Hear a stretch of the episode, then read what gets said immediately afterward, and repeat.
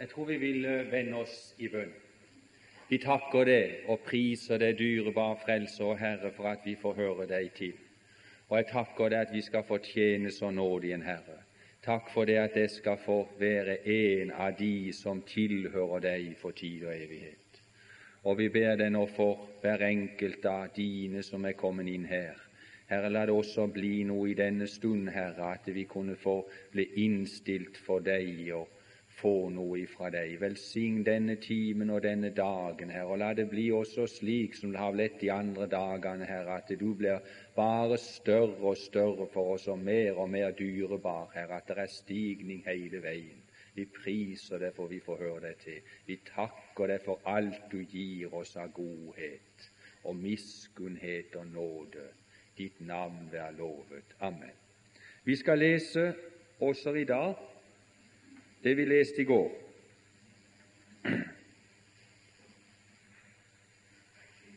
Vi kunne ha lest det eh, sammen en annen plass, men vi leser i Apostelens gjerninger 11. Og vi kan lese fra vers 19. De som nå var adspredt på grunn av den trengsel som oppsto for Stefanos skyld, dro omkring like til Fønikia og Kypern og Antiokia men talte ikke ordet til andre enn jøder. Men iblant dem var det noen menn fra Kypern og Kyrene som kom til Antiokia. Der talte de også til grekerne og forkynte dem evangeliet om den Herre Jesus. Og Herrens hånd var med dem, og et stort tall kom til troen og omvendte seg til Herren. Denne tienden kom da menigheten i Jerusalem for øre, og de sendte Barnabas ut for å dra til Antiokia. Da han kom dit og så Guds nåde, gledet han seg, og han formante alle til at de med hjertets forsett skulle holde fast ved Herren. For han var en god mann og full av Den hellige ånd og tro, og en stor skare ble vunnet for Herren. Her står det om eh, et stort tall et stort antall som kom til troen og omvendte seg til Herren, står det. Og forstår dere ikke det at de omvendte seg til Jesus? Forstår dere de omvendte seg til Herren?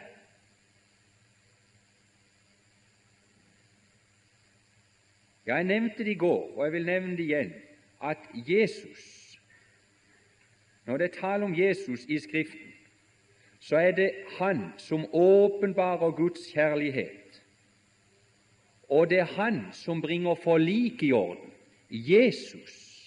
Det er Han som har ordnet vår synd over brødet for at vi skal kunne ha med Gud å gjøre i tid og evighet. Men Jesus, han er den som er Herre. Men vi omvender oss ikke til en Jesus vi omvender oss til Herren Jesus Kristus. Og Herren, det er hans stilling, som vi så i går, etter oppstandelsen. Der står derfor døde Kristus og ble levende igjen, at han skulle være herre over levende og døde. Ja, men er dette så nødvendig å stanse ved? Er ikke det bare ord? Skal jeg si deg det, at det er mange i dag som har omvendt seg. De har bøyd seg. Men er de blitt omvendt til Herren? For hvis du er blitt omvendt til Herren, så blir det en forandring i livet. Det er det. I samme stund som et menneske har omvendt seg til Herren, så er det blitt en total forandring. Og det å bli omvendt, det er dyrebart. Det er dyrebare ting når et menneske kommer til troen og omvender seg til Herren. Det er slik at det, vi mennesker av naturen, vår, vår tanke om Gud, de er så feil, og vi tenker så lavt. Vi tenker for lavt ja, av naturen. Vi tenker alltid for lavt. For det å komme til troen og blommen, det er det at Han kommer inn i dine tanker, så du begynner å få andre tanker. Du begynner å tenke rett om deg sjøl om Han. Der står den ugudelige forlater sin vei, og den urettferdige sine tanker, og omvender seg til Herren. Så skal Han mangfoldig forlate. For mine tanker er ikke eders tanker, og eders veier er ikke mine veier, sier han. For som himmelen er høyere enn jorden, er hans tanker høyere enn våre tanker. Og er himmelen henne? I forhold til jorden? Kan du måle denne avstanden? Som himmelen er høyere enn jorden, er hans tanker høyere enn våre tanker, og hans veier høyere enn våre veier. Å, du så stor er Gud! Og derfor tenker vi alltid for lavt om han. Alltid for lavt. Men når dette skjer, at et menneske har kommet inn litt i Guds tanker, og Gud har fått begynt å åpenbart noe for det, da er det vidunderlig. Når det begynner å vekkes denne lengselen etter å bli frelst, etter å bli omvendt, og du og dyrebart. Jeg skal si deg en ting, om ikke det skjer noe annet på, på, på møtene her, at det kan vekkes denne lengselen og trangen i en sjel etter frelse, så er det guddommelig. Da er det et inngrep fra himmelen. Og når da et menneske da blir omvendt, så må vi også komme inn i Guds tanker. og Det er derfor vi har disse bibeltimene, for vi skal få tenke sånn som Gud tenker. Vi skal se åssen Gud er. Og da går det alltid over vår forstand da vi er for lavt. Vi ligger på for lavt plan. Å, du, han er, det er vidunderlig.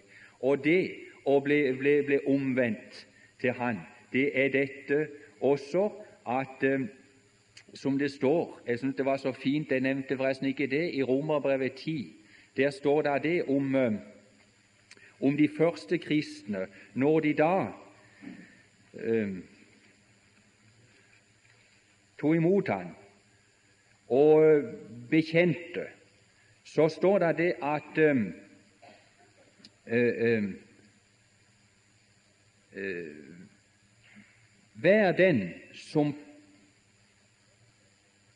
Dersom du med din munn bekjenner at Jesus er Herre, eller med andre ord dersom du med din munn bekjenner at Jave, at Kyrios, at Jesus er Herre, og i ditt hjerte tror at Gud oppvakte ham fra de døde, da skal du bli frelst.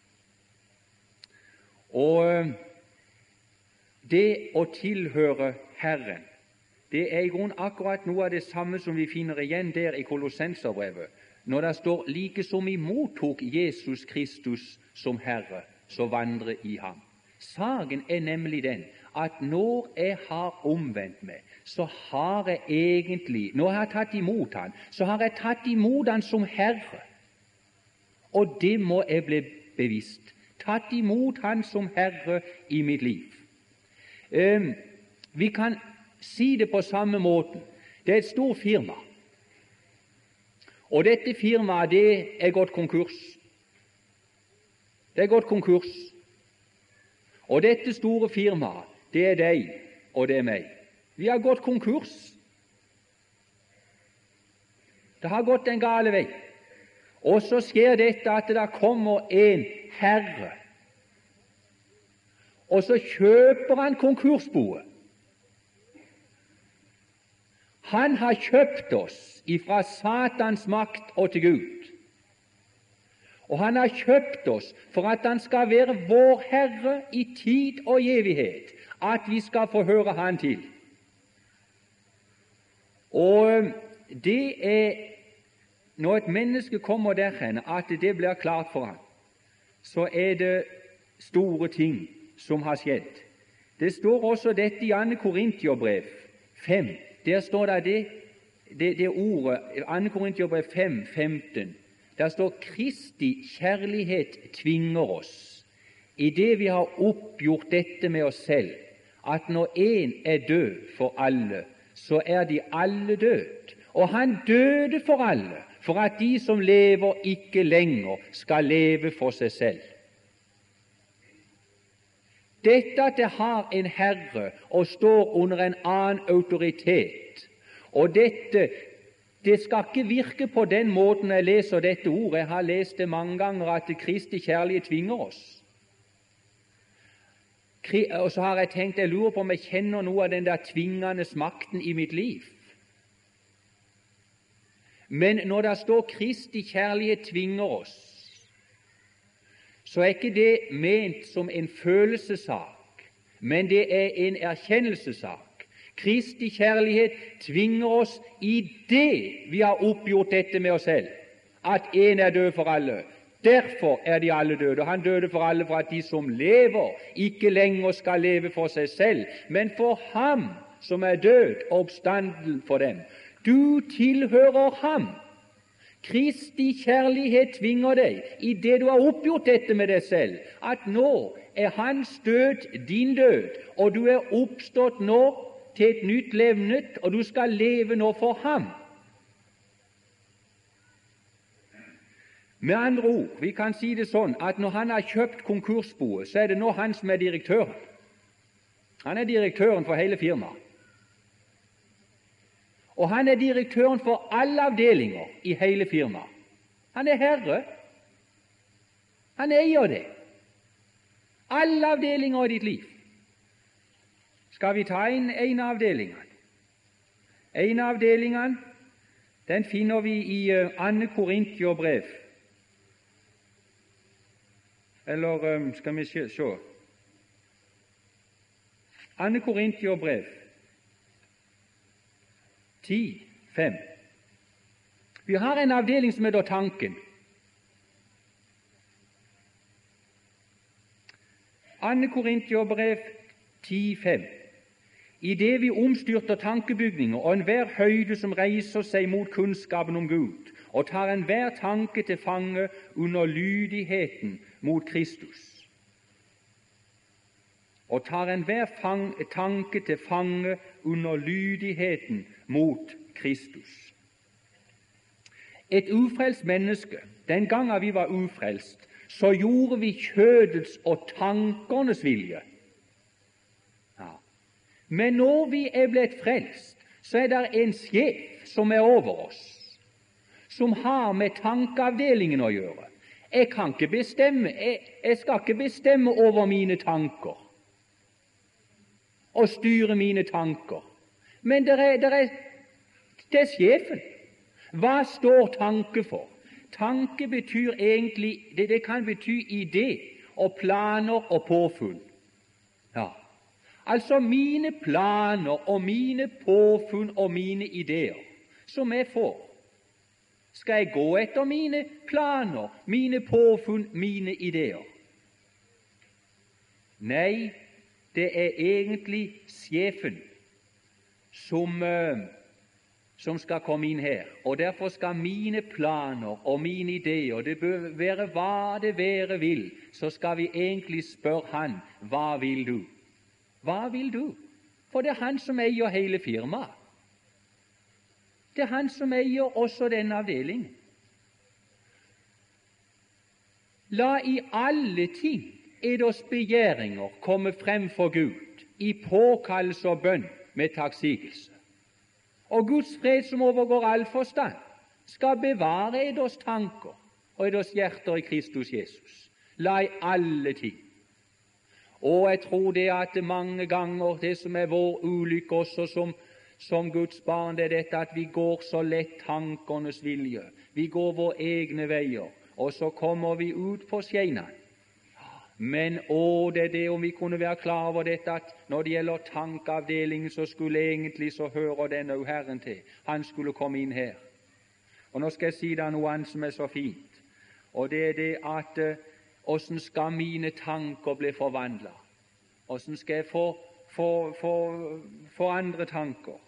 I, uh, i første i, i Romerbrevet 12 der står det noe fint. Der står det Romerbrevet 12, 2.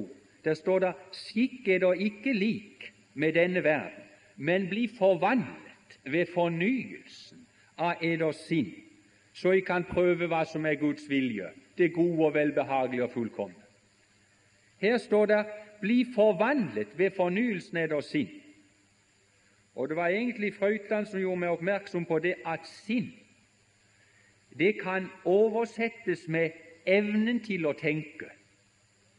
Ja, evnen til å tenke. Med andre ord bli forvandlet ved fornyelsen, så jeg får evnen til å tenke. Ja, evnen til å tenke Ja, åssen tenke? Ja, tenke de tanker som er dirigert av sjefen. Åssen skal det skje? At jeg skal bli forvandlet ved fornyelse, så jeg kan få, få, få andre tanker? Ja, det skjer bare det at jeg sitter her nå på bibelkurs og sitter og hører, så kommer han inn i min tanke. Så får jeg andre tanker. Er det tvang? Nei, jeg bare sitter her og hører, og så blir det en fornyelse i min tanke. Så går jeg fornya ut. Ja, fornya. Jeg er sikker på det at når, når det gjelder denne forsamlingen her, der er blitt fornya alle sammen. For det går ikke an å sitte her under disse møtene unntagen du blir fornya. Også når du blir fornya, så er du så tilfreds og så fornøyd. Og så har du lyst til å lovprise Herren og ønsker å, å tjene Han og leve livet ditt for Han. Ble forvandlet ved fornyelsen av eders sinn, eders tanke, så vi får evnen til å tenke. Og Vi kan si det også på en annen måte. Det står, eh, det står jo også dette så fint der når han sier eh, Søk det som er der oppe. Er jeg da oppreist med Kristus, da søk det som er der oppe. Og søk sjefen. Og søk det, det, det, som er der oppe. For det som er der oppe, det er ditt. Det hører det til. Der Kristus sitter. La eders hu stå til det som er der oppe, og ikke til det som er på jorden. Altså, hvis jeg vendt den veien imot Herren, så kan det også sies slik eh, i en annen oversettelse Stem sinn og tanker efter det som er der oppe. La oss hu stå til det som er der oppe. Stem sinn og tanker efter det som er der oppe. Ja. Jo, han er, han er sjefen for, for den han har styringen og skal ha styringen også når det gjelder hele firmaet. Så skal han ha styringen. Du er ikke frelst og blitt en kristen for at du skal leve som du sjøl vil. Men du er omvendt til Herren. Det er Han som er sjefen. Og Vi kan ta en annen ting også, en annen avdeling. Filippenserbrevet 1.27, og der står det Vi kan si det er dette som har med vår vandring å gjøre. Vår vandring i det offentlige liv. 1.27. Bare før eders liv, således som verdig er for Kristi evangelium, for at jeg enten jeg kommer og ser eder eller er fraværende, må høre at de står fast i en ånd så vi med én sjel kjemper sammen for troen på evangeliet. Før eders liv således som verdig er for Kristi evangelium. Du, og viktig det i vårt daglige liv at ikke jeg skal leve slik som jeg sjøl vil, men at jeg vandrer et liv som er verdig. Er dette nødvendig å tale om? Er ikke det en selvfølge? Når vi ser ut i dag, så opplever vi det dessverre at det er Vi kjenner det også så ofte i vårt eget liv at den avdelingen som har med vår vandring i det offentlige liv å gjøre, det er ikke alltid vi har dette klart for oss at jeg tilhører Herren. Og den, den avdeling som har med vår vandring å gjøre, det tilhører Herren. For er vi det bevisst, så blir det også en annen vandring. Det står om noen som vandrer. I Filippenserbrevet 3 så står det om noen som vandrer på en annen måte. For mange vandrer Filippenserbrevet 3,18 vandrer, som jeg ofte har sagt det, der, og nå endog sier er, er fiender. Endog med tårer sier er fiender av Kristi kors. Hvis ende er fortapelse, hvis Gud er buken, som setter sin ære i sin skam, de attrår de jordiske ting. For mange vandrer. Mange vandrer sånn, som de skulle være en fiende av Kristi kors. Og menes det at de er en fiende av Kristi kors, ville si at ikke de tror eh, på, eh, på korset, at Jesus døde. Jo, de tror nok at Jesus, Jesus, døde, men det å være en fiende av Kristi kors, det er ikke å erkjent den saken at Han er herre i mitt liv. Eller med andre ord, som det står i Galaterbrevet, der er det også tale om kors i forskjellige betydninger. Der står det ved det er verden blitt korsfestet for meg, og jeg for verden.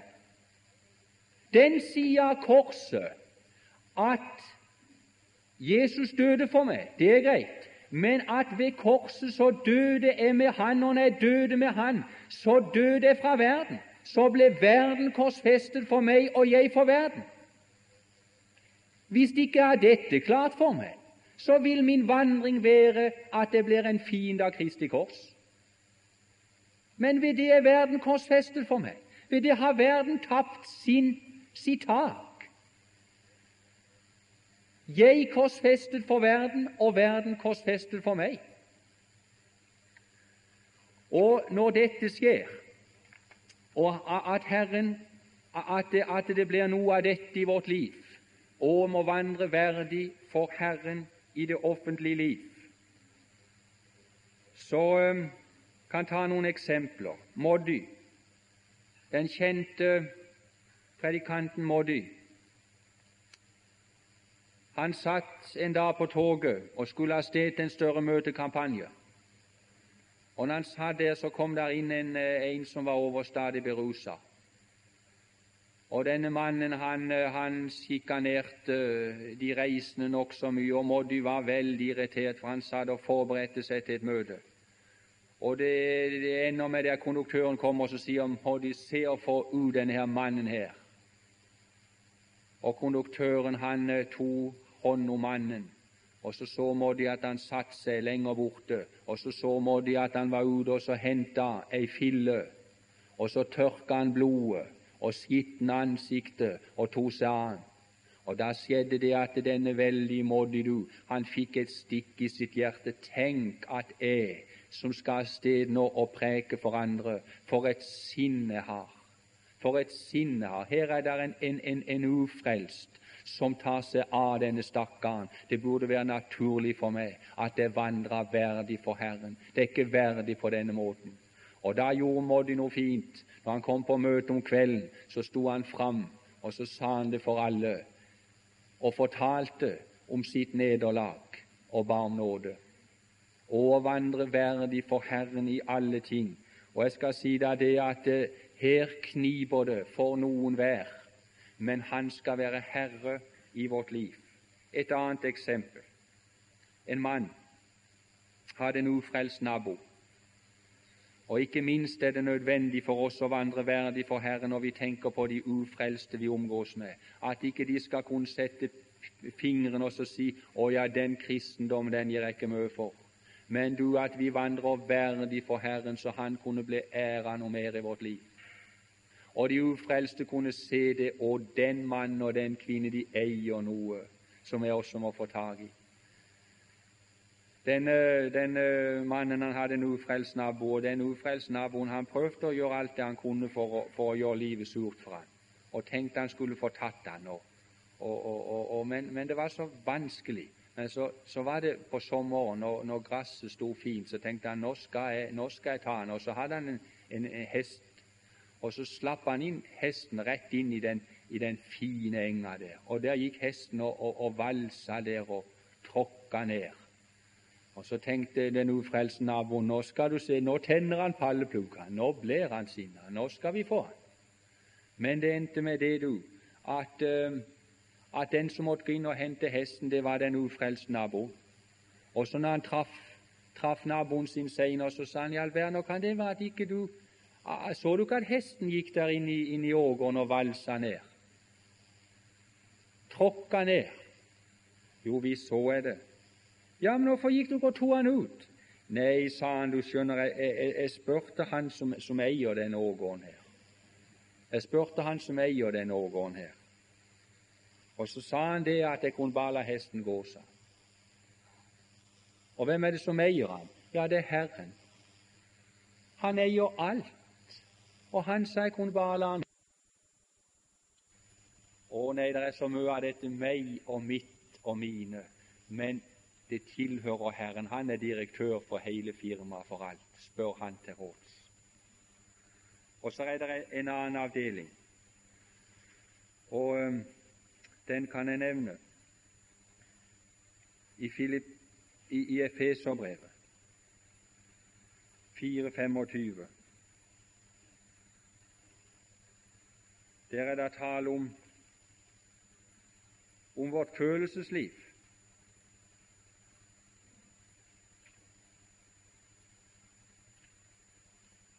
Om vårt følelsesliv, åssen det er.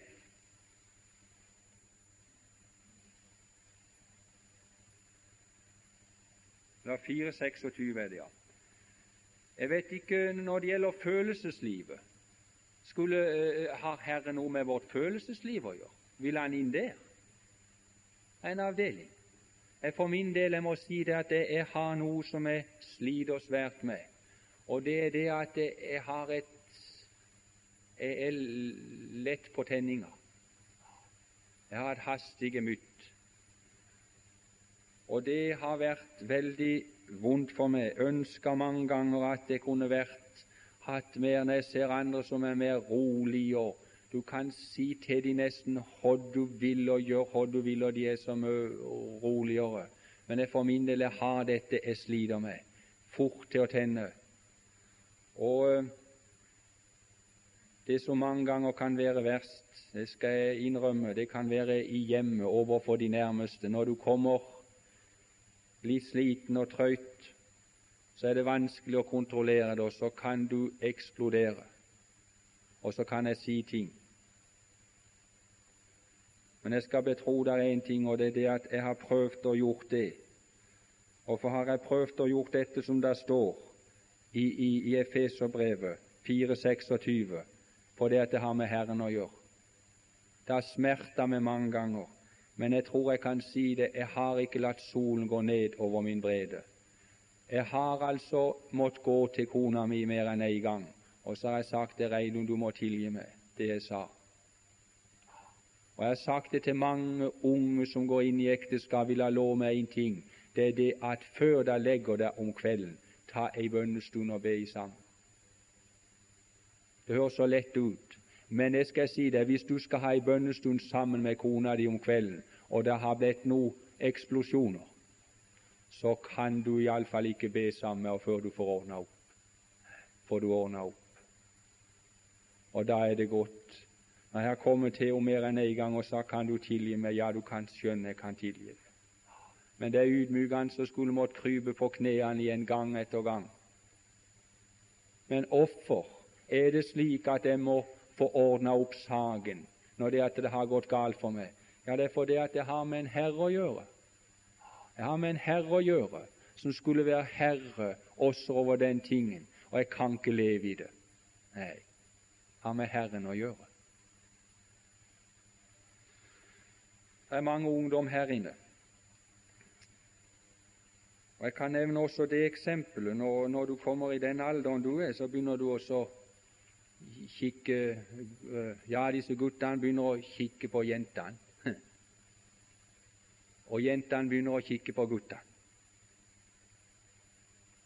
Og Da har jeg lyst til å gi deg et, et, et, et, ord når det gjelder dette med denne avdelingen også, for det skal ikke du heller bestemme over.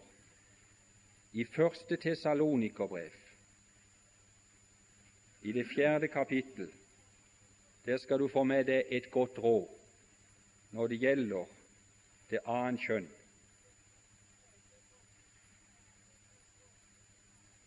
Første Tesalonikerbrev, 4. Og det står der For det er Guds vilje og eders helliggjørelse at de avholder dere fra ho Og enhver av eder vet å vinne sin egen make i helligelse og ære, ikke lystens brynde, som hedningen som ikke kjenner Gud. Og ingen skal gjøre sin bror urett og uskjell i det han gjør med ham, for Herren er en hevner over dette, således som vi også forut har sagt og vitnet for eder. Med andre ord, du som tenker på det annet kjønn og har disse følelser som du har i ungdommen, da er det så viktig at jeg er klar over dette at her skal jeg ikke gå fram etter egne følelser, etter egne ønsker, men jeg skal gå veien om Herren. Der står enhver vinne sin egen make i helligelse og ære. Jeg har fått akkurat hun som jeg skulle ha. Akkurat hun som jeg skulle ha. Jeg skulle ikke ha noen andre. Hvorfor det? Jo, fordi at det, når jeg var ung, så ba jeg også til Gud om den tingen at Han måtte gi meg den rette. Og jeg tror jeg fikk akkurat den jeg skulle ha. Det var andre som var inne, og som en tenkte på, men Herren leda det slik at det ble den rette. Lyst til å si det til dere som er unge, gå til Gud også med den tingen. Han er sjefen også der, og han er en nådig sjef og en god sjef. En direktør, han vil gi deg det beste.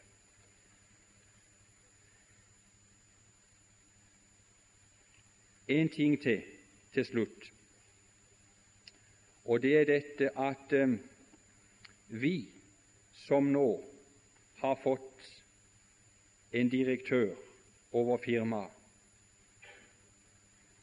Vi skal også få være hans tjenere.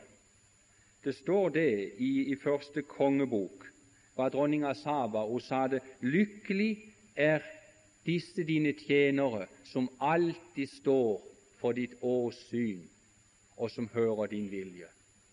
Og det som er lykken i livet, det er å få lov til å stå under Herren. Å forstå og ha en slik Herre og høre Hans vilje. Lykkelig er disse dine tjenere. Og jeg tjener ikke Herren av tvang, men det er en lykke.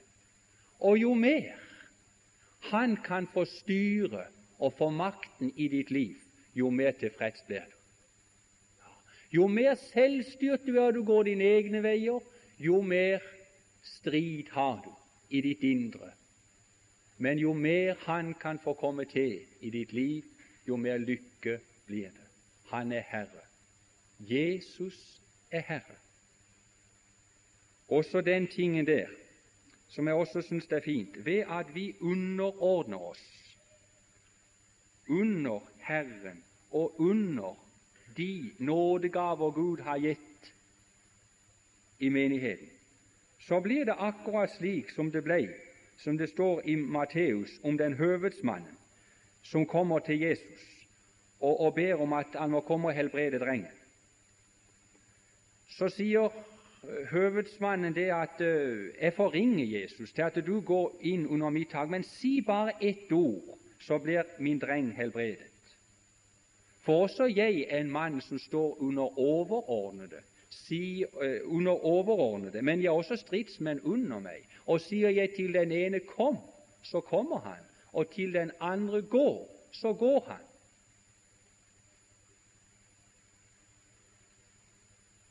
Og Da Jesus hørte det, så sa han enn ikke Israel har jeg funnet så stor en tro. Hva mener jeg med dette? Jeg mener det at ved at vi underordner oss under Herren og underordner oss under hverandre, da skjer det noe i vårt liv. Når vi underordner oss under Herren, under hverandre, så får vi oppleve trygghet. Ja, da får du trygghet. For denne høvedsmannen, han hadde noen over seg. Og når han gjorde og underordna seg under de som var over han, så hadde han beskyttelse fra de som var over seg, og trygghet. Ikke sant? For da var han solidarisk med de. Og slik er det med oss når vi underordner oss under Herren. Da har vi Hans beskyttelse og Hans trygghet. Men nå skal du høre noe som er så fint. Det er det at når denne høvedsmannen underordner seg under de andre, så fikk han også oppleve dette. Han fikk makt. Ikke makt, men han fikk autoritet. Og skal det kunne bety noe i vårt liv at vi skal ha noe autoritet når det gjelder over hjem og, og, og i vårt vitnesbyrd og ellers, så er det i den grad vi underordner oss under hverandre. Underordner vi oss under Herren og under hverandre, så blir det også autoritet. For saken er den at denne høvedsmannen, hvis han nå sa det at eh, jeg bryr meg ikke om dere som er over meg, jeg gjør som jeg sjøl vil, så vil dette si, si det samme som da ble han fratatt stillingen sin. Og da hadde han ingen autoritet lenger. Men så lenge han underordna seg under de andre, så kunne han si til de som var under han, gjør det. Så gjorde de det. Og slik er det med oss også. Underordne oss under hverandre, det er prinsippet. Da vil det også bli noe med våre ord og det vi sier. Det vil bli en innflytelse, det vil bli en autoritet over vårt liv. Underordne eder under hverandre som under Herren. Vi er omvendt til Herren for at vi skal få høre Han til i tid og i evighet. Lykkelig er vi som fortjener så nådig en Herre. Han vil oss det beste for tid og evighet.